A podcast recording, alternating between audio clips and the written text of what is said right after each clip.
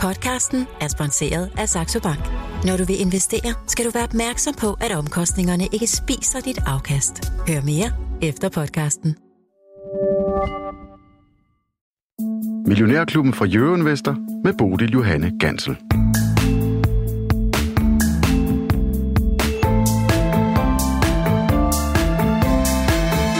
Velkommen tilbage her til Salon i Pilestræde, hvor vi går i gang med øh, del nummer to af den helt store udbyttefest. Jeg håber, I har fået lidt at drikke og hygget jer her i pausen. Og til jer, der lytter med på podcast derude. Hvis du lytter til det her, så er det altså del 2, du har trykket ind på. Hvis du skal høre del 1 først og ikke har nået det, så skal du lige tilbage og finde den først. Lad mig lige øh, starte med at byde velkommen til dagens øh, panel. Det er sådan set det samme, som var i del 1, men mm. hvis man ikke lige har hørt det, er Ole Søberg, Per Hansen og Lars Svendsen, velkommen til. Giv dem en kæmpe hånd. Tak. Og vi taler om uh, udbytter her i dag, og det gør vi, fordi vi står lige midt i udbyttesæsonen, og det vælter ind med kroner til danskernes uh, konti, om de skal investere til lejer. Ja, det ved jeg sådan set ikke. Det må vi se, hvordan tingene udvikler sig her i løbet af de næste par uger. Og her, den her uh, seance, der skal vi tale om, uh, hvor I så ville forestille jer, at uh, de skal placeres, om I har nogle gode bud på det. Først og fremmest så tænker jeg, at vi skal starte med at høre, om udbytteaktier egentlig har en, en berettigelse i sådan en helt almindelig, bred, øh, diversificeret portefølje til sådan en helt almindelig dansker. Ole Søberg, hvad siger du til det? På den måde, du stiller spørgsmålet, er svaret ja. Okay, hvorfor? I en bredt diversificeret portefølje. Ja, selvfølgelig er der udbytte aktier i den. mm. Per Hansen, er du enig? Jeg er helt enig med Ole. Ja. Og hvad siger Lars Svendsen? Ah, jeg køber den ikke helt. jeg, jeg går lige lidt herover, så kan vi, så kan, så kan vi jo se, at i forvejen, altså, så bliver der lidt ja. overvægt herover. Nej, men, men jeg vil sige på den måde, at vi har i, i det der lille verdensfirma, jeg prøver at lave, og skal lære folk, hvordan man skal investere. Der har vi sådan set, ja, men der har vi sådan set en, der er sådan, ligesom indlånskonto. Altså en langsigtet en, men som jeg har sagt, det, pengene skal være der, når du kommer tilbage til dem. Og dengang var renterne negativt, nu er de sådan noget på nul. Men, men der har vi masser af udbytte aktier, men det er jo noget, øh, altså, det er jo ikke noget, der er sjovt. Men, altså, så, så, så derfor må jeg sidde og sige, hvis du, hvis du, altså hvad er det for en dynamik, du har som investor? Ikke? Altså når jeg bliver 80, 83 år, sådan noget vil jeg tro, hvis jeg bliver det, så skal jeg sikkert have masser af sådan noget med indtil da, så skal jeg da have nogle heste, der kan løbe, og det er jo ikke udbytteaktier. Så derfor, altså, hvis du spørger alle, så, så er de jo ude på at få kursgevinster, de er jo ikke ude på at sidde og, og få øh, en ejendomsselskab, der giver 6% i, eller 5 i, i udbytte, eller en åndssvag bank, der også ligger der og glor, ikke? Altså, de kan bare købe Nordea-aktier, så er I jo hjemme, hvis han kan betale udbytte stadigvæk, ikke? Så altså, nej, jeg synes, at det, det, det er jo ikke... Altså, det kan godt være, at nogen sidder og siger, at det er der, men sådan rigtigt, nej. Ej, altså Svendsen, siger du også, at vi simpelthen skal stræbe efter meget mere end det der gennemsnit, som aktiemarkedet har givet gennem årene, altså netop ja, ja. 6-7 procent? Ja, men det skal man da. Det skal man da i alt, hvad du laver. Du skal da stræbe højt øh, mod stjernerne, ikke? Mm. Ad Astra, som de siger hos AP Møller, ikke? at, øh, at øh, det, det, det, det skal man da. Det, man, man skal da prøve at få noget ud af det, og så kan der være mange meninger om, hvad der kan blive penge værd og sådan noget, men, men nej, du skal ikke sådan bare uh, gå uh, pløjet over i et eller andet, som er uh, hjernens kedel. men, og Svendsen, nu sagde du lige sådan, at I har sådan en der hos Svendsen. Ja, ja. Hvis folk ikke lige kender dit selskab, så skulle vi måske lige skyde ind, at oh. det er, fordi I har forskellige modelporteføljer, ja, og så kan ja. man finde ud af, hvilken øh, ja, risikovillighed, man sådan ja, ja, har. Der, der kan man... du jo sige, ikke? Altså, nu har vi været i gang i halvandet år, eller ja, 19 måneder. Sådan og den der, der som skulle øh, køre rundt på med, og pengene var der hele tiden, ikke? Den, den er 1 million blevet til 1 million 163.000, ikke? Og den bedste af dem, hvad tror du, den laver? Jeg tror, det er noget med tank. Bud, ikke?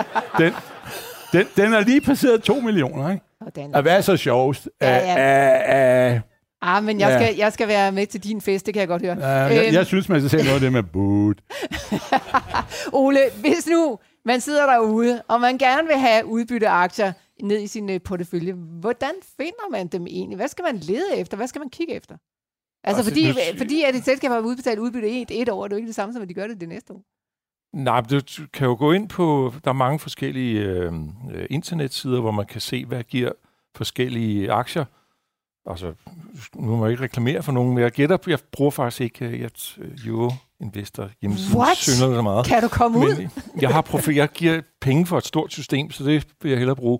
Men der kommer ind og søger, og så kan du sige, hvem er der af af udbyttebetalere, hvor meget er det i øh, det, der hedder ud, eller, øh, dividend yield, hvor meget giver det i procent af børskursen, og så kan man sortere på den måde, så kan du jo klikke på dem igen, for at se, hvor lang tid har de betalt udbytter. Mm. Og de fleste platforme, som man ikke skal betale for, der har du i hvert fald de sidste fem år gratis at se. Der har været noget udbytte hele tiden. Okay. Øh, det, det er jo sådan et godt udgangspunkt. Så må man så lige overveje, hvad er det for en virksomhed? Øhm, jeg blev faktisk lidt lokket af, at øh, teleaktierne i Europa, de var jo faldet og faldet og faldet og faldet og faldet fra 2000 og, ja, 2000, og, ja, 2000 frem til 2019. Så blev jeg logget ind af mig selv ind i Vodafone. Jeg tænkte, nu må den skulle være der. Så lavede den sådan en lille rejehop op, så det var rigtig nok. Så tænkte jeg, nu er den der. Det var den så ikke. Og så døde den bare stille og roligt. Fordi Vodafone betaler mere i udbytte, end de har i cashflow. Så gælden stiger og stiger og stiger. Mm. Og det skal jo stoppe på et eller andet tidspunkt. Ja. Det skulle du lige have tjekket lidt mere op på. Men nu ja, det gjorde jeg, hvor jeg laver sgu mit hjemmearbejde ordentligt. Jeg troede faktisk, de havde vendt hjørnet. Det havde de ikke. Per Hansen, øh, hvor øh, vil du kigge efter udbytteaktier, hvis du sådan øh, tænkte, at øh, det skal også være en del af min strategi. De skal ligge i mit, på, i mit uh, depot? Jamen allerførst så vil jeg jo bare lige sige, at det her det kan godt være en generationsting, men når nu øh, jeg hører Lars Svendsen, han siger, han snakker om de her vedløbsheste, så er det jo, så minder du jo mig rigtig meget om Paul Reichardt, som, ja, ja, ja. som hæpper på Ibrahim øh, i, i, i, i de røde ja, ja, ja. heste vinder løbet, ikke? Er det ikke sådan jo, der? Jo, det er fuldstændig rigtigt. Det er yes. også før, da du sagde, der er lige en fjerde ting også. Det tænkte jeg jo straks på. Det er jo, fordi det er far til fire. Du er lille Per, men altså, det er jo det. oj. Ja, okay. Han, ja, men altså... Han var det, også lidt fræk, jo. det er han også, ham der med her. Per, udbytteaktie, hvor skal man finde dem? Jamen, jeg tror da bare, man, det, det, man søger jo efter de sektorer, som naturligt er nogle af dem, som genererer det stabile cashflow. Og hvad er det? Jamen, det er jo konsumentvarer, og det er Novo Nordisk og Company. Det er sådan nogle typer, som øh, sælger nogle produkter, Coca-Cola og nogle andre ting, som sælger nogle produkter, som vi har brug for. Og i medgang og modgang og i søgang og alt muligt andet, jamen så er det jo sådan, at så udløjer de jo en meget betydelig del af deres cashflow. Det er en, en, en betydelig del af deres investerings-DNA. Øh, det kan være Carlsberg. Øh, inden så længe, så bliver det formentlig også ISS, øh, når de har fået gjort øh, rent bord, eller bordet rent. Øh, så, så det er dem der, som har det her som sit DNA, at det er kontantstrøm, de har en fornuftig balance, de har en fornuftig gældsætning, der gør, at de ikke kommer i kambolage med en kredit, et kreditbyrå, som nedjusterer deres kreditvurdering, og samtidig har de en solid gennemstrømning af midler, øh, som gør dem i stand til at udlåde en betydelig del af øh, det cashflow, de laver. Men vil du nøjes med at lede efter udbytteaktier i Danmark? Nej, det okay. vil jeg ikke. Du vil kigge helt klogt rundt. Jamen, jeg kigger sådan, jamen det er jo fordi, jeg er jo øh, sådan jeg er skadet, jeg er jo, jeg er jo online 24-7 på alt muligt. Altså, jeg ved ikke, om du fik den 24-7. øh, enig. Nå, men vil han ligge? det var virkelig en fejlkastet. det er sådan, det er sådan stand-up comedian, altså, du skulle altså, have været. Altså, hvis det var sådan, jeg selv kunne vælge mit eget telefonnummer, så ville det helt klart hedde 24 70 36 50, og så er det bare lige nogle nuller på, ikke? 24 70 36 50. Godt, så. Ja. Så fik vi det på plads. Den tænker vi så lidt over. Ja, præcis, det, det, det, det, er ligesom det der, det er ligesom det, de der numre, det er faktisk sjovt. Der var jo den her historie, jeg, jeg har fortalt nogle af dem, men uh, uh, uh, efter 2. verdenskrig, så, så uh, mente amerikanerne, de skulle hjælpe europæerne med at få noget fred, men de synes, at franskmænd, det kunne de sagtens finde ud af. Så sagde ham amerikanerne, det er også i orden, men uh, hvis du får problemer, så får du lige mit nummer. Det hedder 1914 1940. Okay. Nå, ja, det, det bliver lidt for meget over i festdelen, og ikke så meget over i udbyttedelen. Lad mig prøve at se, om jeg kan trække jer tilbage til den debat, som vi egentlig har her på scenen. Øh, per, du snakker om, at det kan godt være, at det går op, og det går ned, og der kan være søgang og alt muligt. Hvor er vi egentlig på aktiemarkedet lige nu, Ole Søberg? Hvad siger du? Hvad er stemningen derude, og hvad vej kører vi herfra? På øh, kort sigt, altså vi, fundamentalt, så er inflationen, den er jo ikke kommet ned. Tværtimod begynder den faktisk at accelerere lidt igen. Så centralbankerne og muligvis pengepolitikken skal strammes op, således vi får en aktivitetsreduktion, og det kan så fjerne inflationen øh, forhåndvis senere i år, men i hvert fald i 24 og 25. Men det og det er vi... det helt store kortsigtet. Mm. Hvordan øh, det her lander på forskellige aktietyper, det er jo sådan lidt øh, forskelligt. Bankerne har super godt af det. Så netto renteindtægterne i bankerne, de kommer til at bulre ud af i indværende år og næste år, og det findes ikke ordentligt reflekteret hverken i konsensustallene eller i aktiekurserne, efter min mening. Det kan godt være, at jeg tager fejl. Øh, omvendt så virksomheder, som lever af at skulle have kapital, øh, for eksempel, nu GN's, du har nævnt de første runde, de må altså slide med det, og der er rigtig mange små selskaber, som ikke får kapital nu her, fordi der er ikke den kapital til det. Så vækstselskaber, som er i kapitalbehov, de har et problem. Så dem skal man så holde sig væk fra. Men det har jeg vist sagt allerede i halvandet år, tror jeg. Mm. Øh, og det slutter ikke lige forløbig. Men Ole, lad os blive ved bankerne, fordi du siger 23 og 24, at der er det bare en vej, og det er op for bankerne, men de er jo sådan set en proxy for økonomien, og hvis det begynder at gå, er ikke så godt for blandt andet de små selskaber og flere andre derude, øh, er det så ikke noget, man skal sådan passe lidt på, når vi når derud, i hvert fald 24? Jo, hvis der begynder, hvis den økonomiske øh, aktivitet aftager så meget, at der lige pludselig opstår større udlånstab, eller tab på dårlige kunder, ikke? Øh, så bliver det selvfølgelig et issue. Men for øjeblikket, så ser det ud til, at det her det kan håndteres. Mm. Og så siger du, at centralbankerne de er godt i gang med at sætte renten op, og det er de jo selvfølgelig for at forsøge at dæmpe aktiviteten. De skal have inflationen ned. Det er hele deres raison d'etre lige for tiden i hvert fald, ja. og de kæmper rigtig meget for det. Øh, det er gået nogenlunde et stykke tid, og nu ser det så ud som, at de igen lige... Det er ikke så, det er ikke så nemt. Paul var ude at tale i går, øh, og der fik markedet altså lige pludselig kolde fødder, og basically siger han jo ikke så meget andet end det, han har sagt hele tiden. Har aktiemarkedet været for langt til om altså, at fatte, hvad der var, der foregik? Ja, det kan du, når du kigger på aktierne, hvad er aktier i år steget med 7 procent, ikke? Mm. Øh, og aktiviteten er aftagende, så et eller andet sted, så er der jo, aktierne er ikke helt forstået besked, men omvendt, så er vi jo stadigvæk i forhold til, til toppen i 21 for rigtig mange vækstselskaber, så ligger vi jo 20-30 procent lavere.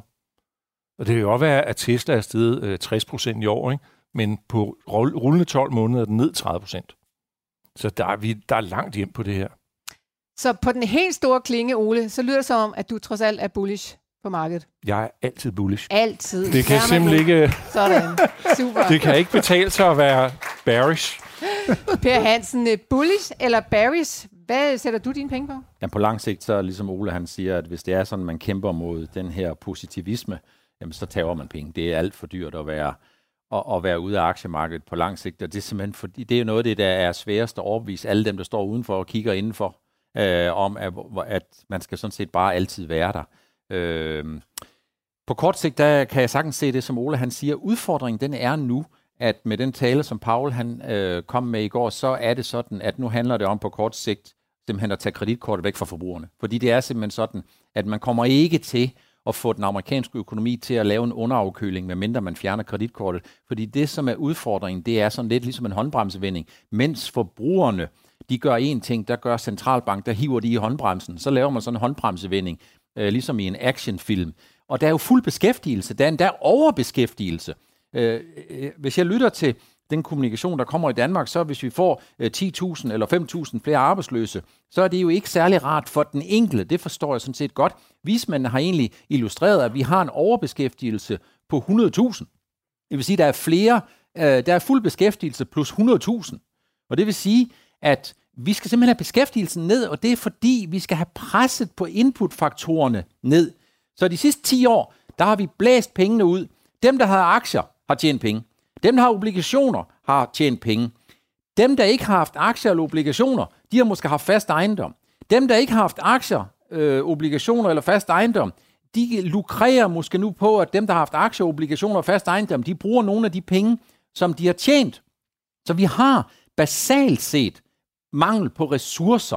Altså i hele mit voksenliv, øh, da jeg fik det første job, der kan jeg huske, der var 250 ansøgere, og jeg var bare mega heldig. Og der var altså mangel på job, så når jeg ligesom hører og kigger rundt og i dag, så tænker jeg, kan det virkelig passe, at der er sådan, at der er mangel på personale, men der er mangel på personale. Og det er det, man kommer til at gøre noget ved. Jo bedre nøgletallene bliver, jo større er risikoen for, at man kommer til at stramme for meget.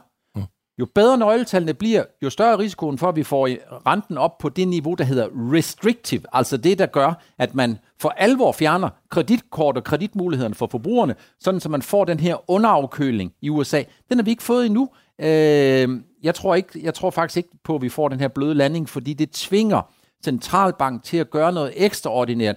Simpelthen fordi man er nødt til at lave den her, den her squeeze, øh, før at det er sådan lidt ligesom nogle børn, der bliver ved med at lære udnoder, selvom man har sagt det fem gange. Uh, Lavs, øh, øh, datter der, som bliver lidt indineret over både, at han ikke ligesom giver til en skiferie, og han ikke kan huske, om hun er 30 eller 35. det, det, det er jo sådan, at hvis man siger til sine børn, hvis de spørger, hvor gammel, ja, men du er nok en 30-35, du kan godt høre det, Lav, ikke? Det svarer nogenlunde til, hvis, hvis Bodil, hun siger, er, er, er, du, er, du, er du 40 eller 80, ikke også? Ah, per, øh, per, du siger altså, det skal, altså, vi skal simpelthen mærke det. Det skal gøre ondt på ja. os, før det bliver godt igen. Ja, det, det, det skal vi, og det er fordi, at øh, ligesom aktiemarkedet, aktiemarkedet opportun, de løber altid på de hele og halve og kvarte chancer. De forsøger altid, og aktiemarkedet er altid foran. Så aktiemarkedet forestiller sig, hvor økonomien den er i september og oktober. Hvis I kigger på, hvor hurtigt vi tilpassede aktiemarkedet til covid, så i 2020, i slutningen af februar, der kom der noget tilbage. Vi, der var nogen, der fik noget tilbage fra Kina. Wuhan virus, som jeg hørte Donald Trump, han kaldte den. Øh, der, så sker der det på aktiemarkedet. På tre uger kommer jo på plads. Minus 35 procent på indeksniveau. Bum, vi er færdige. Risikopræmien, den giver sig. Folkevogn 2015, udstødningsskandalen. På tre dage, der er der blevet lavet 1250 rapporter om, hvor meget det her kommer til at koste Folkevogn de næste 6-8 år. Aktiekursen, bum, den er tilbage med det samme. Så investorerne, de løber altid på de hele og halve chancer. Sådan er det også med den amerikanske forbruger. Hvis man stikker dem 102, 100 dollars, så bruger de 102, fordi de tænker, de sidste to, dem kan jeg nok enten låne mig til, eller også så kan jeg øh, hente dem i aktiemarkedet. Man kommer til, og man er tvunget til at sørge for nu, at man tager opgøret med inflationen. For hvis man ikke gør det, så bliver inflationsforventningerne en integreret del af økonomien. Og skal man skrive lærebøgerne om, så skal man ikke sidde og kigge efter 2% inflation. Så skal man måske snarere sidde og kigge efter noget, der er mere varigt, så bliver det en integreret del, og så er det 3%. Det er ikke så godt. Lars Svendsen, øh, vi kan ja. vel øh, hurtigt blive enige om alle sammen, at den langvarige dynamik for aktiemarkedet, det er opad, og på den lange bane, så skal ja, ja. det hele nok ende godt. Så er spørgsmålet, om vi, kan, om, vi kan, om vi har så lang tålmodighed, om vi har penge nok til, at det også kan gå alle mulige veje, inden vi når dertil. Øh, på den korte bane, ja. er du så bullish eller bearish? Altså, skal det op, ja, eller skal det ned? Ja, ja, ja. Øh, jeg har forstået spørgsmålet. Oh, det er godt. Uh, uh, uh, jeg skulle lige være sikker. Jamen, det jeg, synes jeg, jeg faktisk var rart. ja, jeg er sådan set Barry's, men hvis du så sidder og kigger, hvad har du så derhjemme? Er du så øh, smadret likvid og sådan? Nej, det er jeg ikke, fordi jeg prøver jo at bruge, jeg prøver at bruge øh, aktiemarkedet ligesom et bibliotek, ikke? Altså, bibliotek, der er den fordel, at jeg skal ikke tørre støv af de bøger, øh, som, som står der. Og så går jeg ned og tager den, jeg gerne vil låne, og så siger jeg, den bog tror jeg bliver mere værd i løbet af en måned. Det er mange siden, jeg har været på bibliotek på. Jeg har ikke været der siden coronaen, men, men hvad hedder det? At, øh, og så øh, håber jeg, at jeg kan gå ned og aflevere den, og så den 10 procent. Det, det, det må jeg, jeg, altså, du kan sige, jeg prøver at kravle over et hjørne, hvor, hvor der er øh, øh, stadigvæk noget at, at komme efter af kursstigningen, men, men basalt set, overordnet set, indeks og alt det der, så mener jeg, at vi må øh, indstille os på, at der er faktisk nok allerede recession, og der er en højere inflation, som det tager tid at, at få presset ned. Og, og derfor øh, så skal vi den vej. Men der er jo en ting, der kan vælte det hele, og det er, at der kan blive fred i Ukraine i morgen, og Rusland kan blive til fem lande, og øh, Belarus, der kommer der en eller anden øh, langhåret pipi til at være præsident, ikke? og alt det der. Og så bliver alle jo glade. Øh, altså, når man helt ærligt, det, det, hele det der skram derovre, det kan jo øh, lave være noget helt andet, og måske ikke i løbet af et, et, to dage, men i løbet af en måned. Og så er det jo en helt anden verden, vi er i, øh, hvor, hvor det hele så skal øh, fuld fart frem. Og så får vi nemlig inflation en gang til, fordi så skal der være fuld fart i hele lortet, du. Fordi så skal vi ud og have, have gang i det hele, og vi skal ud og rejse, og jeg skal over og se på de tre Putin, der ligger ved siden af hinanden. Og alt det der, uh, hvad hedder det, uh, på lige der parat, ikke? Oh, ja. Uh, jamen, der bliver, nogle, der bliver nogle oplevelser, som vi aldrig havde troet mulige. og hvad hedder det, dem må vi jo så være med på. Nej, men så, så kører det hele igen, fordi du, altså, du, altså, det er jo det, der er balladepunktet, at du kan jo ikke komme lidt udenom, at 22 skulle have været genrejsning efter corona, hvor der skulle være normal vækst eller høj vækst, og alt ville blive godt. Og vi kunne få de der biler, som har mange komponenter, og jeg ved ikke hvad. Og så kom den der krig. Altså, så du har jo ligesom et, et, et opsving, der blev spoleret. Mm, men Lav, du og må det, jo også tage jo. med ind i regningen, at den kan jo komme til at vare mange år. Den yeah. krig, den kan også komme til at være sådan en, en ulmende, øh, øh, en eller anden boks, der bare sådan bliver ved med at være der i. Jo, jo. Altså, det kan det, langt men, ud. men det er det, uh, altså mennesker har det, så, det, jeg har lært af en gammel story, at den der tankegang om, hvad, hvad, hvor, hvor, hvor svære ting bliver, hvor lang tid de tager osv., det minder mig ufatteligt om dengang, vi havde den der golfkrig, ikke? hvor han overfaldt, øh, Saddam Hussein overfaldt øh, Irak, øh, nej, Kuwait var det, ikke? Og tog lyskolen med hjem og brændte det hele af, og alle krigs mor og brændte oliefelter af, og vi sad her og sagde, uh, hvad gør vi, ikke? Og så kom Schwarzkopf, ikke? Ham med, det var ikke det til håret, vel? Men uh, hvad hedder det? Uh, øh, ned, og, og, og øh, der var flere allierede soldater, der døde af, af friendly fire, der var at blive ramt af en iraker. Og han, de bankede dem sønder sammen i løbet af fire måneder, eller sådan noget, selvom det var ude i Saharas ørken næsten. De skulle stille Men det hele op. Altså, er vel, det, at... så var det overstået, og så gjorde de ikke arbejdet færdigt, og så måtte de tage i krig 2 senere. Men, men, men, men altså det der, det der år, det kan stoppe meget, meget hurtigere, end du tror. Og så, øh, altså hvis, øh, hvis der kommer et øh, kub og en revolution, eller et eller andet, altså det bliver jo, det bliver jo ikke folk, der laver revolution, det bliver jo kub. Der er nogen, øh, der skal måske være tre kub øh, først. Ikke? Øh, Hvor de før. tre Putiner, eller hvad? Ja, ja, også det. Men, øh, men, men, øh, når man, altså, så er der ikke kub, og så er der nogen, der vælter den næste, og så vælter den tredje, og så Nå, noget. men Lav, pointen er vel, at ingen, så, så os, ingen af os ved det, og vi er jo nødt til på en eller anden måde at jo. arbejde med scenarier. Og, jo, men skal vi lade os... Altså i virkeligheden mener jeg, at vi har lavet os paralysere af det der over meget mere, end jeg havde forestillet mig. Mm. Og jeg tror, en af de ting, jeg kører, kigger på, når vi kommer lidt derud af, og det er allerede ved at være i feltet nu, det er, jeg tror, olieprisen skal op på, på kanten af det der, når der bliver fred derovre, eller Rusland bliver opløst og bliver låst ind i en stor boks for sig selv, eller andet, så skal olieprisen op. Derfor skal man købe olie. olie det er olie, du ser, jeg, jeg, jeg, må bare, jeg, jeg tænker måske lidt anderledes end lav. Ja. Fordi hvis man tager det i de lange træk, ikke sådan helt primitivt, så 70'erne, der havde du oliemangel, og så klarede råvareaktier så godt. I 80'erne, så var der en deregulering af en hel masse ting, og global handel begyndte at køre, og så var det Global Consumer Brands. Det blev så i 90'erne IT-aktierne, som var den store trækhest. I 00'erne var det så Kina, der voksede meget hurtigt, og derfor var det råvarer igen. I øh, 2010'erne var det øh, digitalisering, og så sociale medier og alverdens digitalisering af hvad som helst. Og jeg tror, det der er det helt store i den indværende årti, det er elektrificeringen af alt. Og det vil sige, at vi er blevet forstyrret med det her over i Rusland, men det ændrer ikke ved, at vi er på vej ved at ændre økonomien fra at være en fossil energi over mod en renewable energi. En, øh, energi. Så det bliver meget mere ammoniak og vindmøller og hydrogen og det, alt muligt andet de, de kommende 10 år, som kommer til at opleve høj vækst. Og der får man, sjov nok, så koster alle renewable-aktier i hele verden, altså Vestas, Ørsted, uh, Next Era i USA og en hel masse ude i Kina, de koster det samme som den danske børs. Det kan enhver sige sig selv, det er meget lidt i forhold til, hvor stor den del af økonomien bliver. Mm. Øh, og det er ikke ordentligt reflekteret. Så, så der det kan er... godt være, at der er en masse ballade lige for øjeblikket, mm. men det ændrer ikke ved, at menneskeheden er nødt til at ændre vores øh, forbrugsadfærd på den her klode, for vi har ikke noget alternativ. Men det er jo sjovt med det aktiemarked, som vi står og kigger på på daglig basis i Millionærklubben, fordi altså, verden ændrer sig jo ikke sådan på et splitsekund, og så for eksempel sådan en tale som Jerome Powell, i går aftes, øh, når vi står her lige i dag, det var det altså i går aftes, den blev, den blev holdt. Øhm, den kan lige pludselig få aktionærerne til at panikke fuldstændig og løbe væk, til trods for, at verden vil ikke have ændret sig specielt meget fra i går til i dag. Ole, har du det, det er jo det, hvis du kigger fundamentalt, så er indtjeningsvolatiliteten, hvor meget svinger indtjeningen fra år til år, den ligger på en 5-8 procent. Aktiemarkedet ligger på 25 procent. Fordi det er stemningsdrevet. Det har intet at gøre med fundamentalerne. Mm. Men så løber folk ind og ud, og der er også nogen, der tjener penge på, at øh, folk handler, ikke? Sådan en virksomhed som din, for eksempel, øh, Per. Altså, altså hvis, hvis, nu det havde været, øh, hvis nu det havde været Lav, der har sagt det, så vil jeg jo kalde det der en form for et lavpunkt. per, havde du også en rigtig kommentar? Jamen altså, det er jo øh, efter freden, og jeg håber, den kommer mm. meget hurtigt. Jeg håber selvfølgelig på, at man får, øh, man får fundet den rigtige og gode fremtid for Ukraine, og så finder man en anden fremtid for Rusland.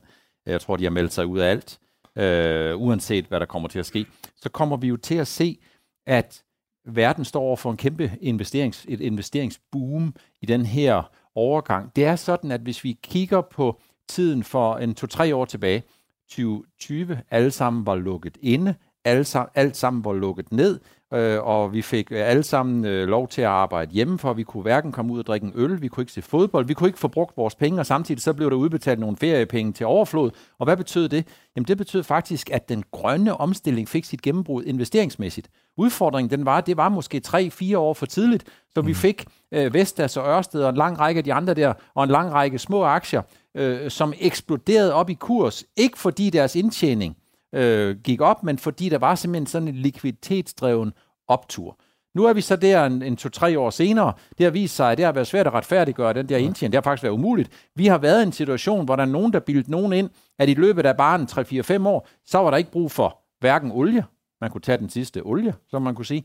Øh, tankskibe skulle ikke transportere noget. Men faktum det er jo, at der stadigvæk plus minus bliver produceret 100 millioner gange 159 liter, som der kan være i hver tønde. Så den der grønne omstilling, jamen den skal nok komme. Jeg håber da også, den kommer. Men vi er ikke sådan for alvor big time kommet ud af garagen endnu. Mm. Så Ole, når du siger, at elektrificering er sådan en helt stor trend, som du siger, vi er først lige gået i gang, og der kommer til at ske masser af investeringer ind i det felt. Øhm, hvordan spiller det så sammen med, hvad de to herrer, synes jeg, siger, at den sorte energi, den er kommet for at blive et godt stykke tid endnu? Kan den de er bare leve? ikke færdig Den er ikke færdig Nej, den er ikke færdig nu. Men det, altså, kan de leve ved side om Perspektivet side, de to? er, at her i København for 170 år siden, så blev øh, gadebelysningen lavet af, jeg tror ikke, vi brugte valolie, men vi brugte sådan noget kogt kul. Og det svinede pommeren til. Så vi har kun brugt fossil brændstoffer, øh, heldigvis, øh, hvad hedder han, øh, øh, ikke Roosevelt, hvad hedder han, øh, ham der opfandt olien i USA? Rockefeller. Rockefeller. Mm. Det er super heldigt for en masse dyr og planter, at de faktisk fandt olie der, og så har vi brugt 170 år på at svine planeten til. Men det har også skabt enorm velfærd. Det skal der ikke have nogen tvivl om, og det bliver vi. Men vi bliver nødt til at finde en ny energikilde. Og vi har dem jo. Så det er kun omstillingsprocessen her, som den bliver lidt dyr, men øh, den er vi i fuld gang med. Hvis der er nogen, der gerne vil have en kurve, som nu kan jeg tegne den i luften. Hvis man tager, det er øh, podcast, verdens, hvis man tager verdens kul, kulforbrug, så er det gået fra 100% af det fossile forbrug i år 1900 til 25 i dag, og det er sådan en linje her. Men er, går den det ikke op af den linje det er procent, igen? Det er, procenten, jamen, det er procenten, vi taler. Problemet er, at vores øh, totale energiforbrug er blevet meget, meget større. Det er der problemet er, at der er jo flere mennesker, der er med i økonomien. Men der er en ting, som også er med i det der spil, og det er fuldstændig rigtigt. Kig på global omstilling og det der med koverminer og alt sådan noget der. Kig på det. Mm. Men der er en faktor, som ingen tør sige højt, det er, det kræver enorme investeringer, fordi man bygger vindmøller og solkraftanlæg og alt muligt up front, og så får de et afkast over øh, 20-25 år. Ikke? Men det gør, at renten bliver høj. Fordi der skal investeres så sindssygt mange penge der skal pløjes ned i alt det der. Det er et boom ud over alle grænser, og derfor bliver renten høj. Det har også en konsekvens for kapitalmarkedet, at vi skal pløje masser af penge ned i alt det der. Øh, det er jo helt vanvittigt store beløb, og det kræver ressourcer af det, men renten, det er med til, at renten bliver høj. Så der er en regning, vi skal betale alle sammen for at uh, blive, blive grønne, og det bliver rigtig, rigtig dyrt, kan jeg høre, Lars Svendsen. Hvordan skal vi så som uh, private investorer komme igennem det med vores uh, depoter? Hvad skal vi sætte pengene i? Jamen, det er jo det gode ved nationaløkonomi, ikke? At nationaløkonomi er jo, øh, øh, i forhold til privatøkonomi, kender vi alle sammen, ikke? Når der er problemer med penge nok.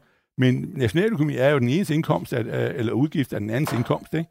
Så derfor så kan vi jo meget mere, øh, hvis vi hisser os op til, at øh, vi skal lave den der øh, omstilling, hvor vi tror, vi vil ødelægge os selv osv. Jeg tror jo ikke på hypotesen, men, men øh, det er, er da fint, når de, alle dem, der gør det, vi skal investere i alle de der aktier. Jeg har jo selv, ja, beskeden er kun de begyndt. Jamen, jeg er begyndt med, jeg har jo købt Siemens, øh, eller den hedder Siemens Energy, hedder den ENR af koden.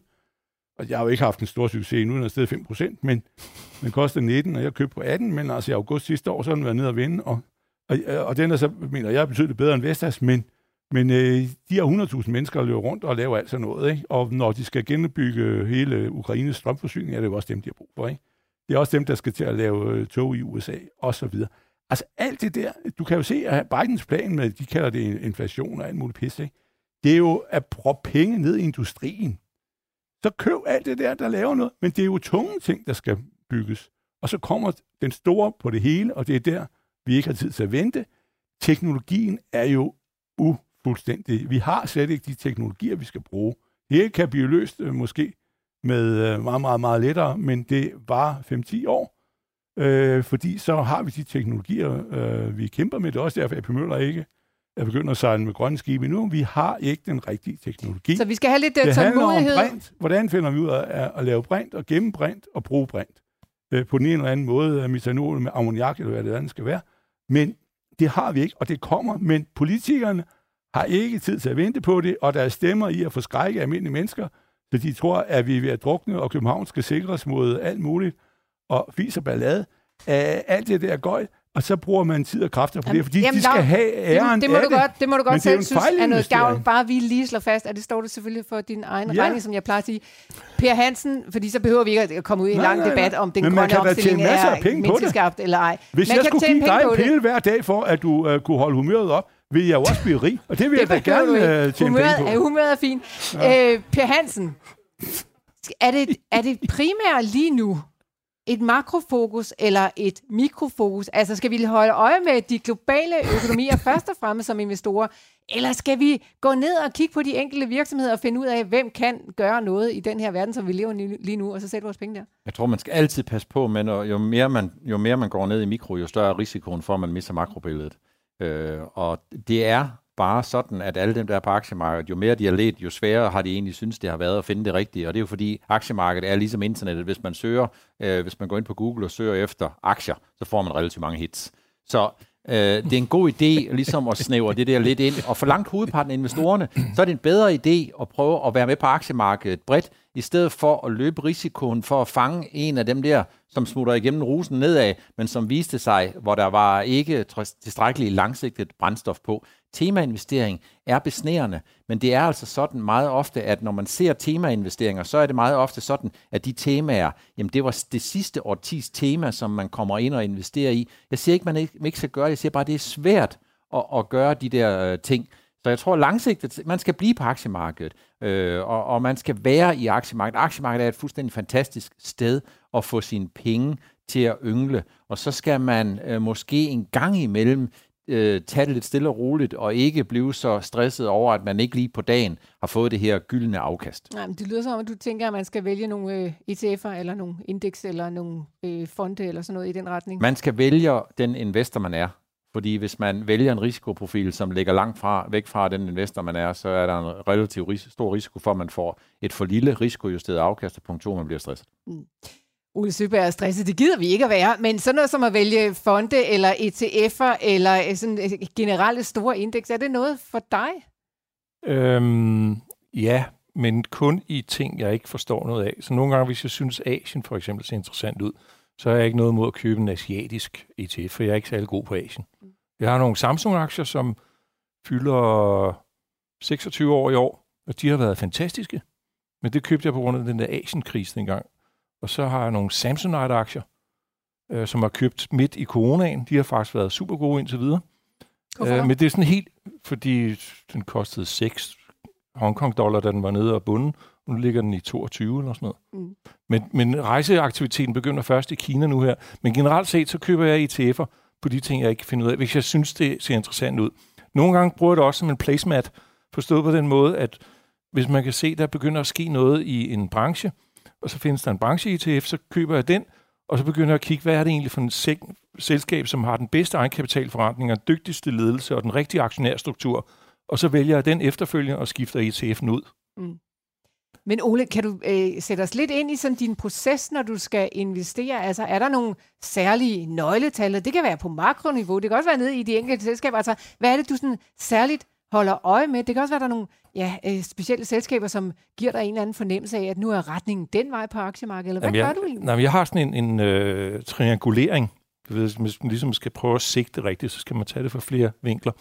Og der er øh, væksten i virksomheden. Hvordan ser væksten ud? Er den lønsom? Øh, så det skal defineres. Hvor meget beskyttelse er der på den vækst? Hvordan ser konkurrencebilledet ud? Så den anden, eller den, ja, den næste en, det er, hvordan er kapitalforretningen? Hvor meget skal de investere for at opretholde væksten? Og når jeg ligesom har et godt blik på det her, så siger jeg, okay, den skal så vurderes på den og den her måde, og det er så valuation-hjørnet. Og den kommer altid til sidst. Så jeg bruger faktisk halvdelen af tiden på på vækst øh, først, fordi det handler om menneskerne, der driver dem, om branchen og hvad konkurrenceforholdene er, og så de to andre, det er sådan lidt mere the box bagefter. Og hvis det passer, så køber jeg eller investerer. Og så tænker jeg typisk 5-10 år ned ad vejen. Hvor lang tid? Og jeg har rigtig mange aktier, som er mere end 10 år gamle. Hvor lang tid er din øh, udvælgelsesproces, altså for at gå i gang med at kigge på noget og analysere det, Ole? Hvor lang tid går der så typisk, før du slår til? Øhm, eksempel. Den, der hedder Sprout Farmers Market, som er sådan en økologisk supermarked, der ligger i USA. Det gik på børs i 14, og der købte jeg de første aktier i 2020, og jeg har en kvartalsmodel siden 2016.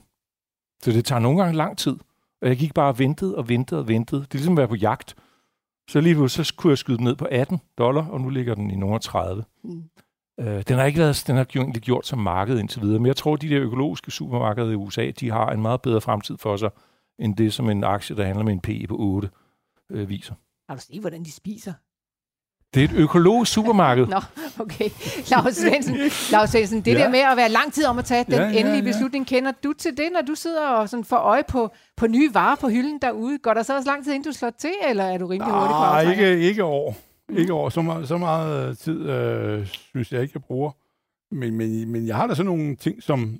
Det bliver så også mere sådan nogle, måske på den måde, du taler lidt om, sådan nogle idéer, sådan nogle temaer, og siger, at det her, det er noget, som er er godt, men øh, jeg har måske ikke så meget forstand på det, men siger, det er noget, der er kommet for at blive osv. Jeg har for eksempel købt dem med, med bæredygtighed i, i bredere forstand end bare øh, noget, med, der ikke er CO2. Øh, det er mere en fordummet udgave af, af det spørgsmål. Men, men, men hvad hedder det? Øh, så sidder jeg og kigger på det der, og hvis øh, menneskets børn vil betale for det, så vil jeg da hjertens gerne øh, investere i noget af alt det der. Men det er jo så svært, for der kan du jo sige, at øh, hvis du tager den her NKT, som jo er en af de danske der er lidt inde i det, fordi de jo skal jo levere de her kabler både til mellem møllerne på øh, vindmøllefarmene og så i landet og det der, ikke?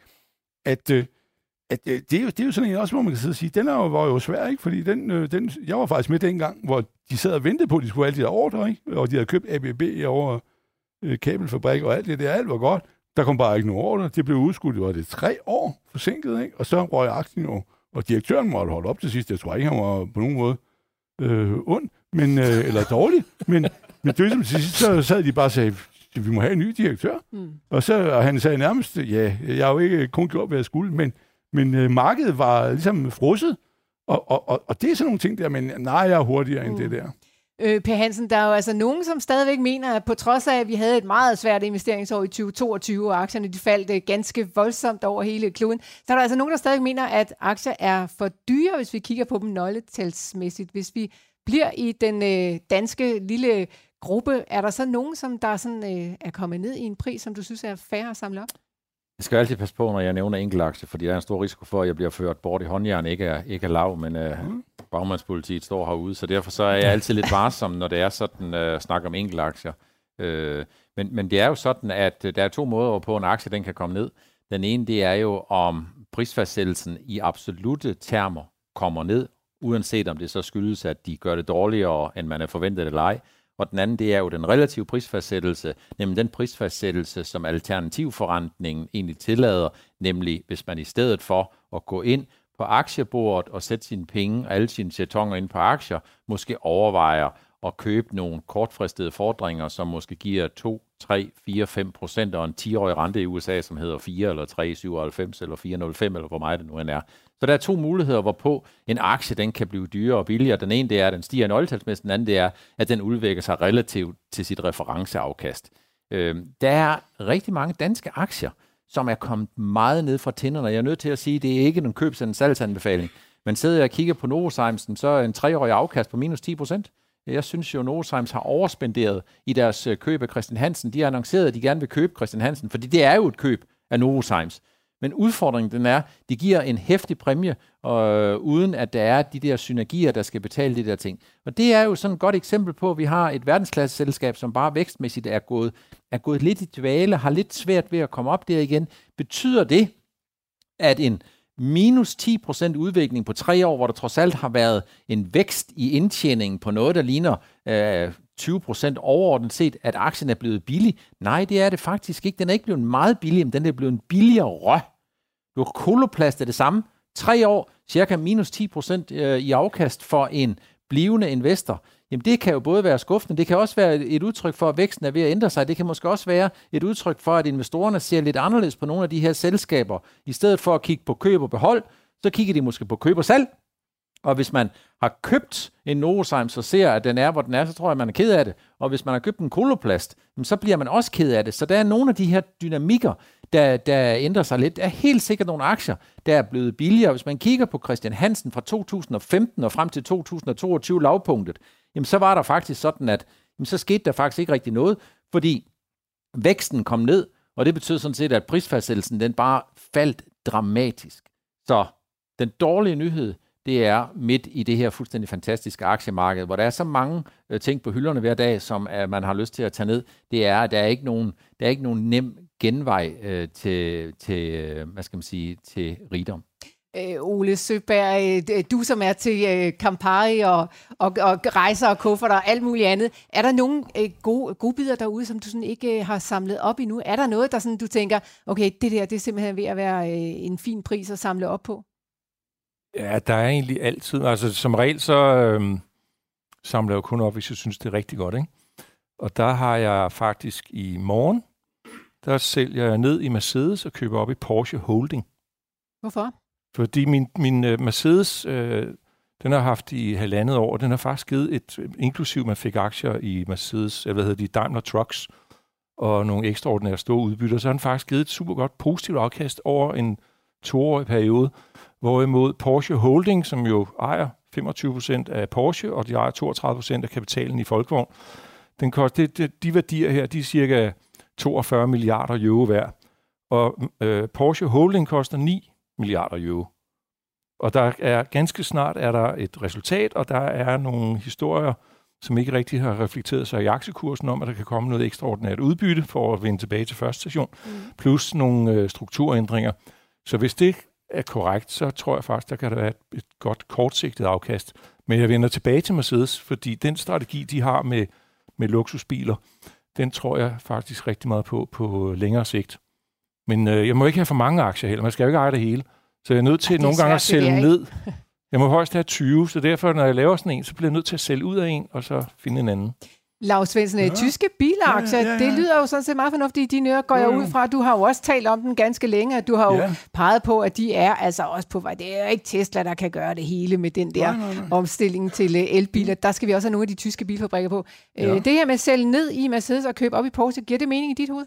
Øh, ja, jeg kan godt følt den. Øh, jeg har selv Mercedes øh, haft i temmelig mange år, øh, så der har ikke været nogen større guldgruppe på mig, men øh, sådan nogenlunde hedder det. Men, men, øh, men ja, altså når, når verden bliver bedre, så vil jeg jo sige, så håber jeg at jeg kan slippe ud af alle mine øh, tankrederier, som kan mere endnu. Og så øh, skal jeg købe øh, lastbiler. Det mener faktisk, øh, lastbiler er en af de, de tunge lastbiler. Det er jo Daimler Trucks, det er Volvo, og det er Traton, som er Scania Man. Det er de tre store der, man kan gå efter. Og så øh, jo også investeringsgoder, øh, og sådan nogle laver maskiner. Din dyr for eksempel den har, øh, det er en, der laver sådan noget malemaskiner og sådan noget lignende der. Hvordan skal du til det? Det er U, prik, prik, øh, to R. Okay. To prikker og to R. Yes. Tysk, tysk umlaub. Yes. Ja. Øh, og det er sådan noget med, med maskineri og ro- robotter. Ja, jeg har lige opdateret ja. min model på den i går. Jeg har den ikke lige for øjeblikket, så derfor havde jeg lidt god tid, men øh, den ligger 35 euro eller sådan noget, og jeg kunne regne ud, at den burde hende om i 2027-28 stik ligge i øh, omkring 60. Ja, Og jeg måler det hele tiden, hvordan ser det årlige gennemsnitsafkast ud, og hvis jeg kan få noget, der ligger på den anden side af 12-15 procent, så er min margin of safety i orden, for at tage tilbage til den der triangulering, jeg nævnte før. Så den er faktisk, jeg har den ikke, som nævnt. Og der har vi så også gaffeltrukselskaber og sådan noget, i Tyskland er der nogle af. Men, men altså, øh, lastbiler først, og investeringsmaskinerier og forskellige slags, der er et stort efterslæb der. Så skal vi købe bilfabrikker, og der skal man starte med de bedste og gå ned af. Og det er så tyskerne, ikke? Altså, de tre der, øh, og så er der jo forskellige udgaver af folkevognene. men, øh, men hvad hedder det, øh, og, og så bliver det øh, længere ned i, øh, altså øh, Rio Tinto og sådan noget. Vi skal have det der kov og alt det der, det skal vi tage fat på. Altså, vi skal have fat på minerne. Ja, og den med olien, det er jo mere ud fra synspunkt på olie. Øh, mm. Prisen, at den tror jeg kommer, jeg tror det bliver næste øh, chok eller et eller andet, at vi skal have olieprisen op i 100 og 110 dollar og sådan noget. Den koster 80, ikke? øh, så bliver der lige pludselig øh, noget at hente i, i de der aktier mm. igen. Det er, det er jeg meget... Øh, kan du ikke lige nævne et gaffeltruck-selskab? Jeg kunne ikke lige ja, men vi har jo, øh, jo den her, øh, som hedder Jungheinrich. Og øh, Kion. Og Kion, ja. Det er de, de to øh, okay. primære tyskere. Glimrende. Og så har du en japaner, Hitachi. Nå, ja. Der får du alt muligt andet med. Og Toyota laver også sådan noget. Men, øh, Godt så. Men øh, der, det, du skal ikke gå efter dem, fordi det, det, er jo det, det er så lidt, så det fylder ikke. Der er også kun 65.000 børsnoterede aktier, så det er bare at starte med A og slutte med Z, så kan man den efter det, nogle Det er år. også en form for strategi.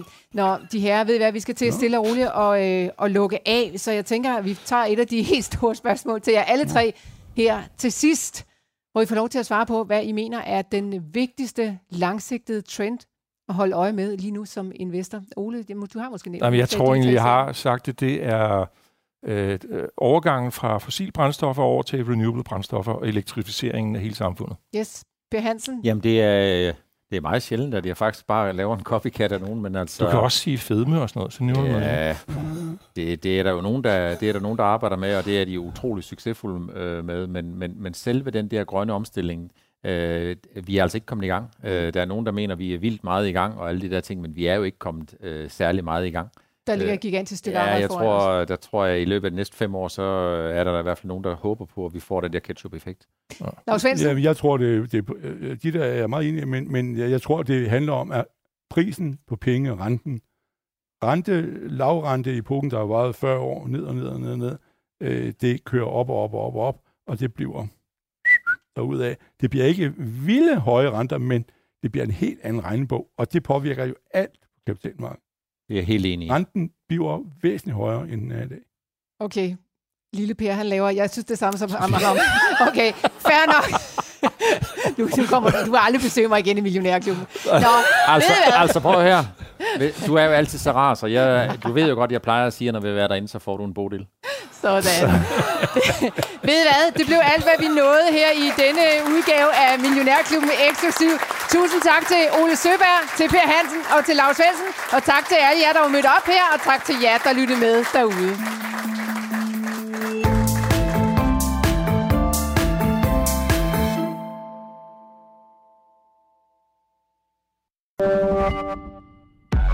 Podcasten er sponsoreret af Saxo Bank. Vi starter året med lave priser på globale aktier. Nu kan du blandt andet investere i amerikanske aktier til kun 1 dollar i minimumskortage. Kom i gang allerede i dag på saxobank.dk og opret en gratis investeringskonto.